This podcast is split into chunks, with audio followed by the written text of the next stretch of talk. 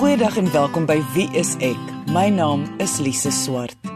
Om 'n kind groot te maak, het daaglikse struikelblokke, maar wanneer die kind 'n gestremdheid of soos ons daarvan nou om te noem, 'n hindernis het, kan hierdie struikelblokke ouers se lewens en verhouding oorneem. Diegene wat al gereeld na Wie is ek geluister het, sal weet hoe ons altyd die program afsluit met kyk mooi na jouself.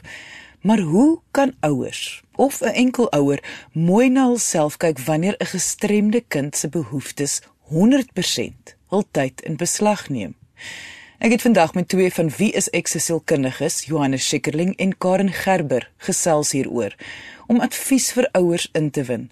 Maar voor ons na die gesprek luister, gaan Christine Nel, voorligtingsielkundige by wie is ek, net eers vir ons verduidelik wat alles val onder die sambreel term gestremdheid. Daar is verskeie kategorieë vir hindernisse, maar die drie waarop ons fokus is dan nou liggaamlik of fisiese hindernisse, hindernisse wat te doen het met jou breinontwikkeling en emosionele hindernisse. Fisiese hindernisse is die hindernisse wat te doen het met 'n mens se liggaam. So wanneer jy liggaamlik iets nie kan doen nie. Uh, en mense sal dink aan iets soos um cerebral palsy of 'n uh, hemipleeg, iemand wat 'n verlamming in 'n area het. Hindernisse wat te doen het met 'n mens se breinontwikkeling kan ook op twee vlakke wees. Dit kan te doen hê met 'n mens se intellektuele ontwikkeling. Byvoorbeeld iemand wat 'n laer IQ het, sal dan um sekere dinge moeilik vind om te doen. En dan is daar ook spesifieke uh, leerhindernisse wat erken word en dit is ehm um, hindernisse wat te doen het met lees, met wiskunde, met skryf, motoriese vaardighede en taal of kommunikasie. Dan is daar ook 'n neurologiese komponent en die spektrum wat baie bekend is is autistiese spektrum en dan saam met dit ook AGHS wat mense sal ken as ADHD, aandagtekort met of sonder hiperaktiwiteitssteurnis. Emosionele hindernisse wat meestal met kinders te doen het, sluit in dinge soos skeiingsangs, selektiewe mutisme, probleme met binding. Dit is 'n kind wat sukkel om 'n 'n gesonde band met 'n versorger te bou. By emosionele hindernisse moet 'n mens ook bewus wees van kinderdepressie, want hoewel dit anders presenteer as byvoorbeeld depressie by volwassenes, is dit nog steeds iets wat by kinders kan voorkom. En omdat daar so baie trauma in ons land is, sal dan dan ook baie kinders wees wat posttraumatiese stres simptome toon. Nou dat ons beter verstaan dat gestremdheid nie altyd is wat ons dink dit is nie, gaan ons luister aan die gesprek wat ek met twee ervare sielkundiges in die behandeling van kinders gehad het, veral oor hoe ouers na hulself kan kyk. Op 'n emosionele vlak, hoe affekteer 'n gestremde kind 'n ouer. Dit sit geweldige stres op 'n ouer. Baie van die vrae wat ons kry in terapie is is dit my skuld en hoe kon ek dit nie vermy het nie of kon ek nie voorkomend opgetree het nie of moes ek dit nie eintlik geweet het nie. So daar's baie skuldgevoelens. Die ander teen wat, wat daar teenoor staan is natuurlik ook mense wat dan amper ooraktief raak. So hulle leef die hele tyd in vrees dat sien nou maar dit gebeur met my kind. Sien nou maar hulle word geboelie. Sien nou maar die onderwyser gaan lelik wees met my kind. Sien nou maar. So hulle is dan weer amper ooraktief en laat nie toe dat dinge homself uitspeel nie. So baie keer wissel ouers teen hierdie twee ekstreme gevoelens van skuld en vrees wanneer dit by 'n gestremde kind uitkom. Vir 'n ouer dink ek is dit dan 'n eersins 'n selfontdekkingsreis om te besef um my kind is miskien ook anders as wat ek gehoop het of verwag het. En ek dink as hulle eers daai journey deurgemaak het, raak dit ook makliker vir die ouer om oop te wees om inligting in te samel, om navorsing te doen oor hoe om hulle kind die beste te help. Maar ek dink ook dit jy weet kan spanning veroorsaak as 'n ouer onseker is, hoe kan ek my kind help? Waar gaan ek um hulp vandaan kan kry? Ek voel alleen. Um so ja, so ek dink dit kan baie keer nogal oorweldigend wees. Ons verwys gereeld op ons program na hoe 'n persoon altyd hulself eerste moet sit voor hulle na ander omsien. Hmm. Juis omdat hulle dan 'n beter werk daarvan sal maak. Hmm. Om 'n gestremde kind groot te maak kan baie keer al die tyd van 'n ouer in beslag neem. So hoe gaan hulle dit dan regkry om mooi na hulself te kan kyk? Dis nogal 'n moeilike vraag om te beantwoord want ek dink die samelewing sê dat as jy net na jouself kyk dan word jy as selfsugtig gesien. En ek dink dit veroorsaak nog meer spanning vir 'n ouer want jy weet as jy uitgebrand raak, het jy nie eintlik meer energie oor om na enigiemand anders om te sien nie. Juis die afstand wat die ouer neem van die kind vir beide kind en ouer eintlik gesond kan wees. Want dit gee die ouer spasie en ruimte om regtig na hulle self om te sien. En dit beteken dat hulle dan meer energie het om regtig na die behoeftes van die kind om te sien. Ons weet ook dat kinders, gestremde kinders, voel baie keer oorweldig deur hierdie soos ons noem helikopterouers. En dit oorweldig hulle. Dit gee hulle nie spasie om self te ontwikkel nie, want die ouer is die hele tyd besig om te keer, te keer, te keer. En dan voel die kind eintlik ingehok op 'n emosionele vlak om na jouself om te sien is eintlik nie selfsugtig nie. Jy skep energie vir jouself juis om 'n beter um beter ouer te wees of 'n beter teenwoordigheid te hê as 'n ouer om na jou um kind met spesifieke hindernisse om te sien. So, so dit is nie 'n maklike proses. Ek dink vir ouers om dit te hoor, ja, ek moet na myself kyk, maar hoe hoe kan ek dit prakties doen nie? So ek dink dit is baie belangrik um dat ouers besef en hoor dat dit oukei okay is om elke dag vir hulle self ruskanse in 'n dag in te sit. Al is dit letterlik net iets soos 15 minute om 'n koppie tee te geniet. So ons wil graag hê dat ouers moet kan oorgee, dat hulle hulp inkry. Met ander woorde, 'n ouma, 'n oupa, 'n fasiliteerder, iemand 'n nurse, wie ook al, inkry sodat die ouers op 'n date kan gaan een keer 'n week, sodat die ouers net weer met mekaar kan konnekteer.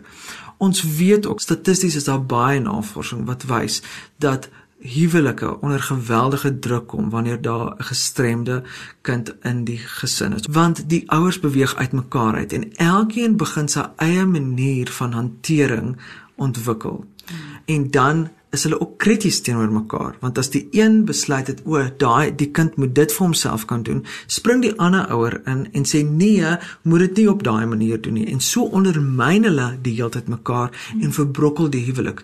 Dit plaas nog meer druk op eintlik die gestremde kind want uh vir alles lief die vermoë het om te verstaan en die emosionele kapasiteit het dan voel die kind ook skuldig want kyk wat doen my gestremdheid met my ouers. Hmm. en dit plaas oor die hele gesinsdinamiek of wat ons sal noem die stelsel plaas dit nog meer druk. Maar tog wil ek weet hoe verskil die rol as ouer wanneer hul kind 'n hindernis of 'n gestremdheid het myns insiens is die rol van alle ouers om eintlik kinders voor te berei vir volwasse lewe. Die rol verskil eintlik nie. Jy moet ook maar jou kind voorberei. Daar is natuurlik baie gevalle waar daar spesiale toegewings is. Met ander woorde, die kind het nie die intellektuele of kognitiewe vermoë om onafhanklik te wees nie. Hulle het nie die ontwikkelingsvermoë of hulle is 'n fisiese gestremdheid en dit veroorsaak dat jy hulle op 'n ander manier moet voorberei binne hulle kapasiteit tot volwassenheid. Dit beteken die ouer moet hulle self toelaat om ander mense by te kry en ander mense te vertrou want dit is waar ons 'n baie groot gaping hier kry is dit baie keer voel die ouer alleen verantwoordelik vir hierdie kind en dat hulle nie toelaat dat ander mense ook hulp aanbied nie. Mm. En dit is eintlik dan jou rol as ouer van 'n gestremde kind is om ander mense te bemagtig om met jou kind te werk. En dit is 'n baie ander rol as die gewone ouer. En daarvoor moet jy maar eintlik 'n flipfile bymekaar sit om vir onderwysers te gee of om vir fasiliteerders te gee of om vir mense oor en oor te verduidelik. So geduld is by hierdie ouers van kardinale belang geduld met die kind, geduld met mense wat met jou kind moet werk en ook dat jy konstant in 'n posisie is waar jy mense moet leer. Ons weet ook dat ouers baie gefrustreerd kan raak hiermee want ehm um, sodra iemand gestremd is, dan dink hulle altyd daar's 'n kognitiewe inperking en dit is baie frustrerend. Ons weet veral met outisme is dit, jy weet, baie frustrerend dat mense hulle soms nog steeds soos kinders hanteer, maar hulle is eintlik baie intelligent en dit is ook 'n frustrasie vir ouers dat moenie met my kind soos 'n baba praat nie, praat met hom gewoonweg. Uh want hy verstaan alles wat jy sê. Hy is dalk net bietjie awkward. Jy weet of net omdat hy in 'n rolstoel is, beteken dit nie hy kan nie somme doen nie of jy weet jy hoef nie met hom in baba taal te praat nie. So dit kan frustrerend wees vir ouers, maar hê die geduld. So die rol van 'n ouer met 'n gestremde of 'n spesiale behoefte kind is wel baie anders. Jy luister na Wie is ek met Louie en Lise op RSG 100 tot 104 FM. Ek voel onderwysers speel 'n groot rol in enige kind se lewe. Hmm. So, is daar advies vir onderwysers spesifiek oor hoe om 'n gestremde kind te hanteer? Die eerste ding wat by my opkom is ek aan onderwysers dink wat 'n kind met spesifieke hindernisse in 'n klaskamer moet hanteer is die onus lê vir my dan by die onderwyser om oop te wees om veranderinge te te maak om die kind te akkommodeer. En die enigste manier wat ek voel dit kan gebeur is as daar altyd oop kommunikasie is tussen 'n ouer en 'n onderwyser. So as 'n onderwyser voel hulle is onervare of onseker oor die behoeftes van 'n kind in hulle klaskamer, Die ouer is baie keer die beste bron van inligting. So daai ouer weet al klaar watter tegnieke werk dalk beter vir hulle kind in 'n spesifieke scenario of hoe hulle kind dalk beter leer in 'n spesifieke opset. Baie goeie opmerking. Onderwysers is so kardinale deel van 'n kind se opvoeding. Die advies wat ons het vir onderwysers is doen jou navorsing. Ja, jy sit dalk met 'n klas van 30 normale kinders en jy doen dalk al onderwys vir 30 jaar. En baie onderwysers glo daar kan hulle niks niets geleer word nie want hulle het soveel jare ervaring. En hoewel ons jou ervaring waardeer, is daar altyd iets wat ons nuut, selfs ons terapeute en sielkundiges is besig om konstant nuwe inligting uh, in te samel rakende die breinontwikkeling, rakende hoe ons die mens verstaan. En dis is dit baie belangrik dat onderwysers hulle self toelaat om geleer te word of toelaat dat hulle self navorsing doen of toelaat dat hulle na die ouers toe gaan en sê weet jy wat kom ons sit hierdie tydjie apart en vertel my meer van jou kind.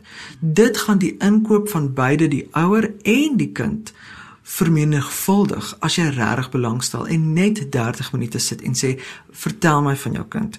Hoe kan ek hulle help? Maak ook kontak met die kinders se spraakterapeut of die ander terapeute wat met hulle werk of die sielkundige dat ons 'n span daar rondom het. Die oordrag van inligting is ook geweldig belangrik. Met ander woorde, as jy hierdie jaar met die kind gewerk het en hy beweeg na 'n volgende graad toe, na 'n nuwe onderwyser toe, dra daai inligting oor. Help waar jy kan om die lewe vir beide ouer en kind so gemaklik as moontlik te maak. Kinders word ongelukkig geboelie. En meer so wanneer daar volgens die samelewing iets tussen aanhalingstekens verkeerd is hmm. met die kind. Okay. Wat kan ouers doen om hul gestremde kind te help teen boelies? Dit gaan afhang van die vlak of die mate van gestremdheid of hindernis wat 'n kind ervaar. Maar miskien om die vraag dalk makliker te beantwoord is as 'n mens byvoorbeeld 'n kind vat in 'n hoofstroom opset, vir my is die eerste ding is dat die ouer 'n oop gesprek kan hê met die kind of ehm um, jy weet afhangende van wat die kind se funksionering is vir die kind spesifiek verduidelik wat beteken bullying wat is konflikhantering want ek dink daar's ook soms verwarring tussen bullying en en net normale 'n sosiale konflik tussen kinders wat 'n belangrike vaardigheid is wat kinders moet aanleer is hoe om konflik met iemand anders te hanteer.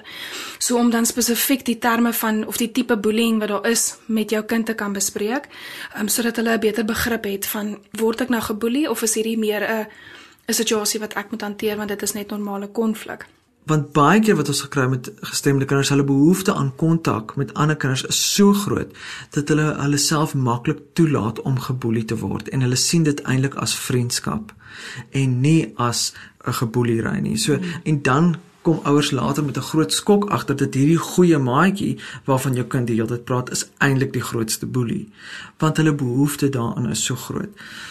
Fasiliteer ook uh vriendskapsverhoudings. Met ander woorde real play dates.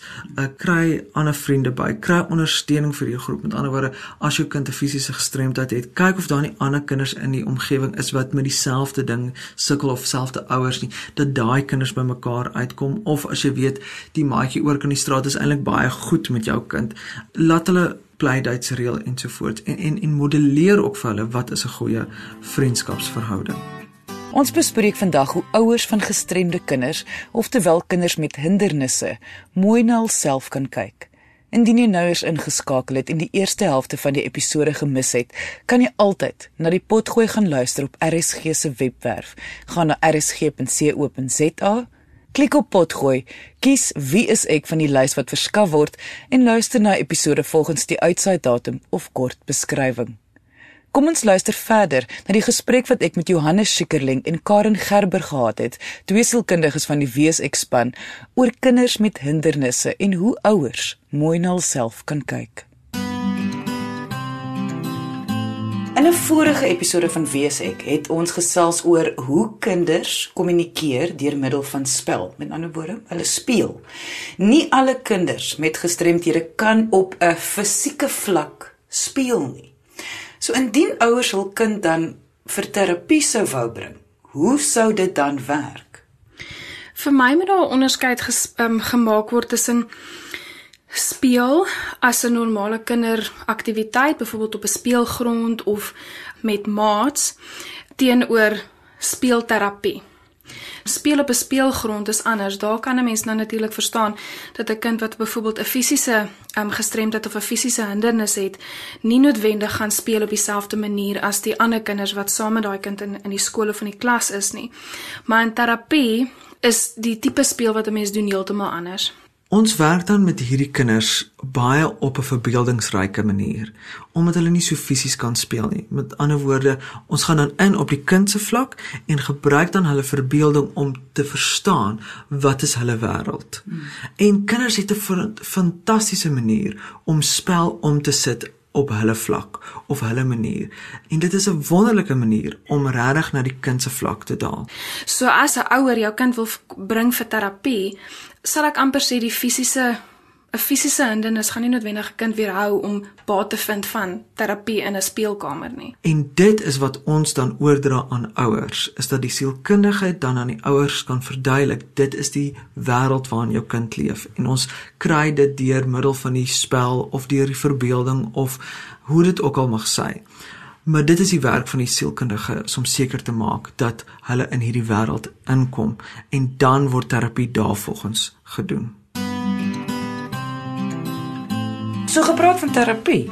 Kan terapie ouers help om, kom ons sê, meer doeltreffend hul gestremde kind groot te maak? Absoluut. Ek dink terapie vir 'n ouer met 'n gestremde kind is van kardinale belang. Die ouer word die hele tyd gekonfronteer met nuwe inligting met nuwe omstandighede rondom hulle kind en ondersteuning is van kardinale belang. Hmm. So hulle moet uh, eintlik 'n spasie hê waar hulle as persoon weer kan reflekteer oor waar hulle is, waar hulle kan insaak kry oor hoe om hiermee om te gaan, waar hulle ondersteuning nodig het om die regte hanteringsvaardighede te kry of dalk net 'n plek waar hulle kan afpak. En ek dink dit is baie belangrik vir ouers met kinders met spesiale behoeftes. Maar wat as daar 'n boetie of 'n sussie of albei is wat ook in die huis is, maar hulle het dan nou geen hindernis nie. Uh, dit is verstaanbaar dat die meeste van die tyd en die aandag op die gestremde kind sal wees. So wat kan ouers dan doen om amper sê aandag te versprei tussen die kinders? Baie keer as ek so iets hoor, dan besef ek dat die realiteit van elke familie is uniek. So daar dis moeilik om half een standaard antwoord te gee wat by almal gaan pas. Ek dink dit gaan elke ouer se taak wees om miskien net kennis te neem en en bewus te wees of miskien erkenning te gee daaraan dat die kind met die hindernis in die huis wel baie aandag verg. Maar baie keer as 'n mens erkenning gee aan iets wat dalk 'n probleem veroorsaak of 'n hindernis is, kan jy dan iets daaromtrent doen. So as jy dit gaan ignoreer, kan jou ander twee kinders of jou ander kind in die huis wat nie en dit is is nie voel hulle word nie raak gesien nie of hulle word afgeskeep. Maar as jy bewus is daarvan jy gee erkenning daartoe, dan bou 'n mens ander goeders in jou in jou familie rotine in om seker te maak dat jou ander kind wel um, voel. Hulle word raak gesien en hulle word ook geondersteun.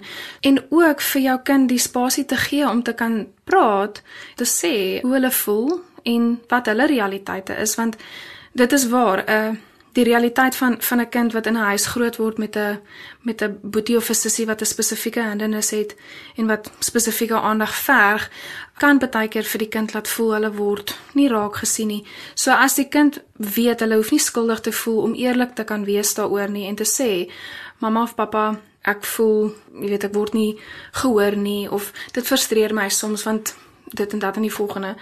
Daar moet 'n spasie geskep word vir die kind om te voel dit is dis aanvaarbaar om ook oor die moeilike emosies en die moeilike ervarings te te praat. Jy luister na Wie is ek met Louie en Lise op RSG 100 tot 104 FM. Dit is dan natuurlik ook die ouers se plig om seker te maak dat hulle hulle kind hoor. Um wanneer die kind daai eerlike realiteite met hulle deel, sodat dit nie net afgemaak word, ag maar dit is niks of dit is nie so belangrik nie of dit is nie so nie. Dit skiet half die kind se realiteite en en hulle actual ervarings af as dis nie belangrik genoeg nie. Die belangrikste rakende kinders met spesiale behoeftes of kinders met gestremthede is om te onthou hulle is steeds kinders. En die mense wat met hulle werk, ouers, sielkundiges, terapeute, onderwysers, moet hulle help om die beste kindervaring te hê met hulle gestremdheid wat hulle kan. Want ons weet dat as mense 'n goeie kinderervaring het, lei dit tot ook 'n goeie volwasse ervaring. En dit is 'n groot probleem wat ons kry baie keer met kinders met gestremdhede, is dit hulle al reeds soos volwassenes omgaan met hulle probleem. En dat hulle ook die geleentheid kry om net kind te wees en om te speel en te lag en nie te worry oor môre of te worry oor waar gaan ek wat ook al doen nie maar dat ons hulle toelaat om regtig net kind te wees. Daar's so baie vrae waarmee ouers sukkel. So my laaste gedagte sal wees is as 'n mens as ouer um geduldig met jouself kan wees en miskien ook dalk empaties dat jou ervaring is uniek. So jy toestemming om te ervaar wat jy ervaar. Ek weet dit is oorweldigend, maar ek wil ook sê daar is daar is baie ondersteuning daar buite um en baie inligting deesdae wat 'n mens ook kan help om nie alleen te voel nie. So ek dink ondersteuningsgroepe um is ook 'n goeie plek waar jy as ouer die spasie het om te kan praat oor hoe jy voel en jou realiteite met ander mense kan deel wat begrip kan hê vir die situasie of die fase waarin jy is op die oomblik. Indien enige vrae oor vandag se episode of net jou storie met ons wil deel, kan jy gaan na ons webwerf. Dit is wieisek.co.za of na ons Facebookblad onder wieisek.sa. Dankie dat jy vandag ingeskakel het. Ons maak weer so volgende Vrydag 12:30 net hier op RSG. Jy moet 'n heerlike naweek hê en onthou, kyk mooi na jouself.